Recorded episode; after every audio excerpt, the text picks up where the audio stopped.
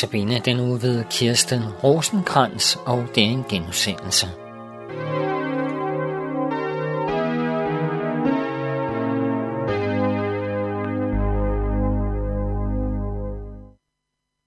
Og vi er, lytter til Sara Jungs andagter, som øh, jeg læser op først, og derefter kommer jeg med de refleksioner, andagterne giver mig. Og øh, hun har skrevet dem på den særlige måde, at det er som om Jesus taler til dig. Så prøv at tænke over det, når du lytter til teksten. Jesus han siger, demonstrer din tillid til mig ved at sidde i min nærhed. Sæt alt det til side, der venter på at blive gjort, og nægt at bekymre dig om noget som helst. Denne hellige tid sammen med mig styrker dig og forbereder dig på at møde, hvad dagen indbringer. Ved at vente sammen med mig, før du begynder dagens aktiviteter, proklamerer du mit levende nærværs virkelighed.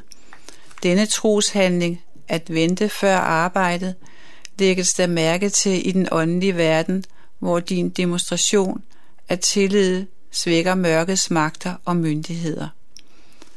Den mest effektive måde at stå den onde imod på er at komme nær til mig.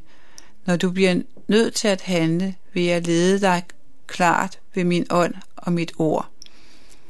Verden er så kompleks og overstimulerende, at du nemt kan miste din retningssans. Og ved de endeløse, unødvendige aktiviteter øsler du din energi bort.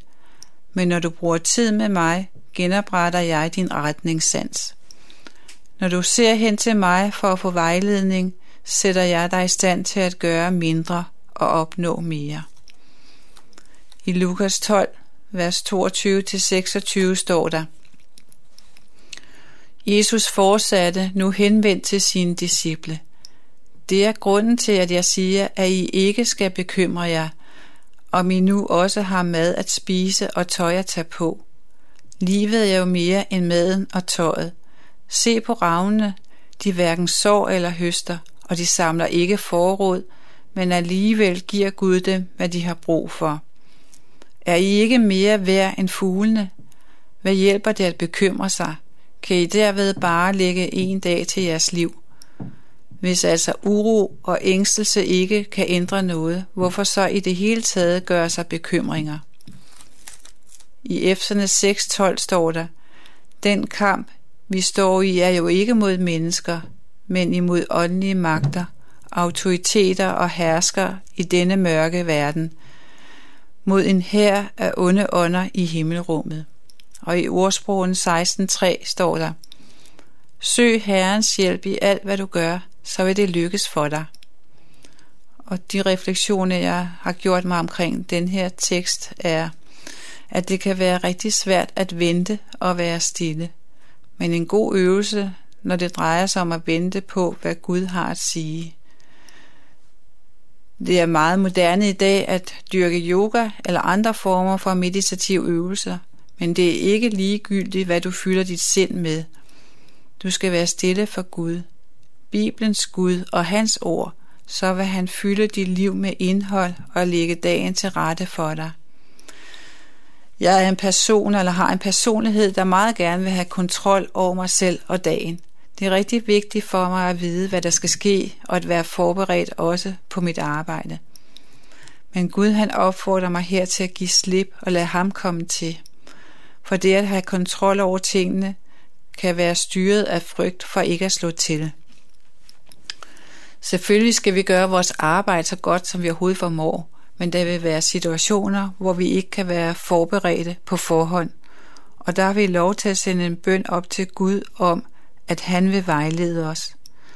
Jeg har oplevet på mit arbejde, hvor jeg arbejder med familier, der, hvor der ofte er nogle svære samtaler, som jeg har siddet i, at øh, der kan være forældre, der er gået til angreb på en måde, på den måde, hvor vi har grebet behandlingsarbejdet an på.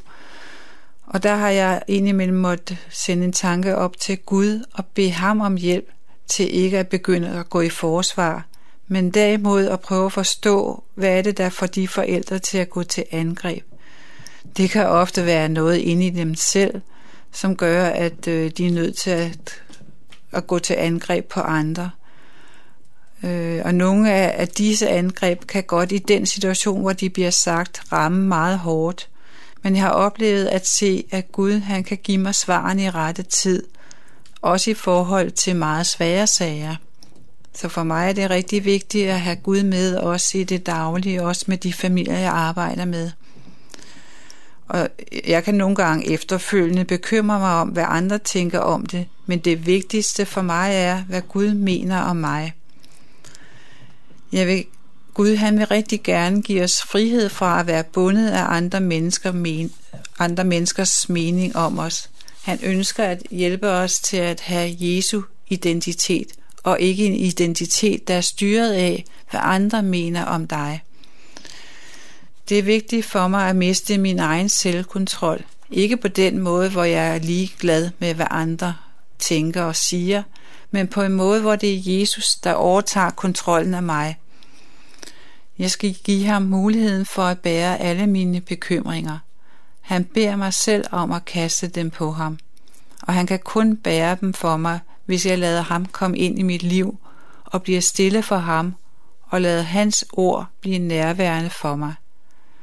Vi skal ikke negligere, at der er meget i denne verden, der vil rive os væk fra hans nærhed. De onde åndsmagter har travlt, og vi opdager slet ikke, at, de ofte kom, at vi ofte kommer til at lytte til dem. Og de vil gerne rive os væk fra den stillhed, vi skal have i forhold til Jesus. De fortæller os, at vi har meget vigtigere ting at tage os til, end at læse i hans ord og fordybe os i bøn til ham.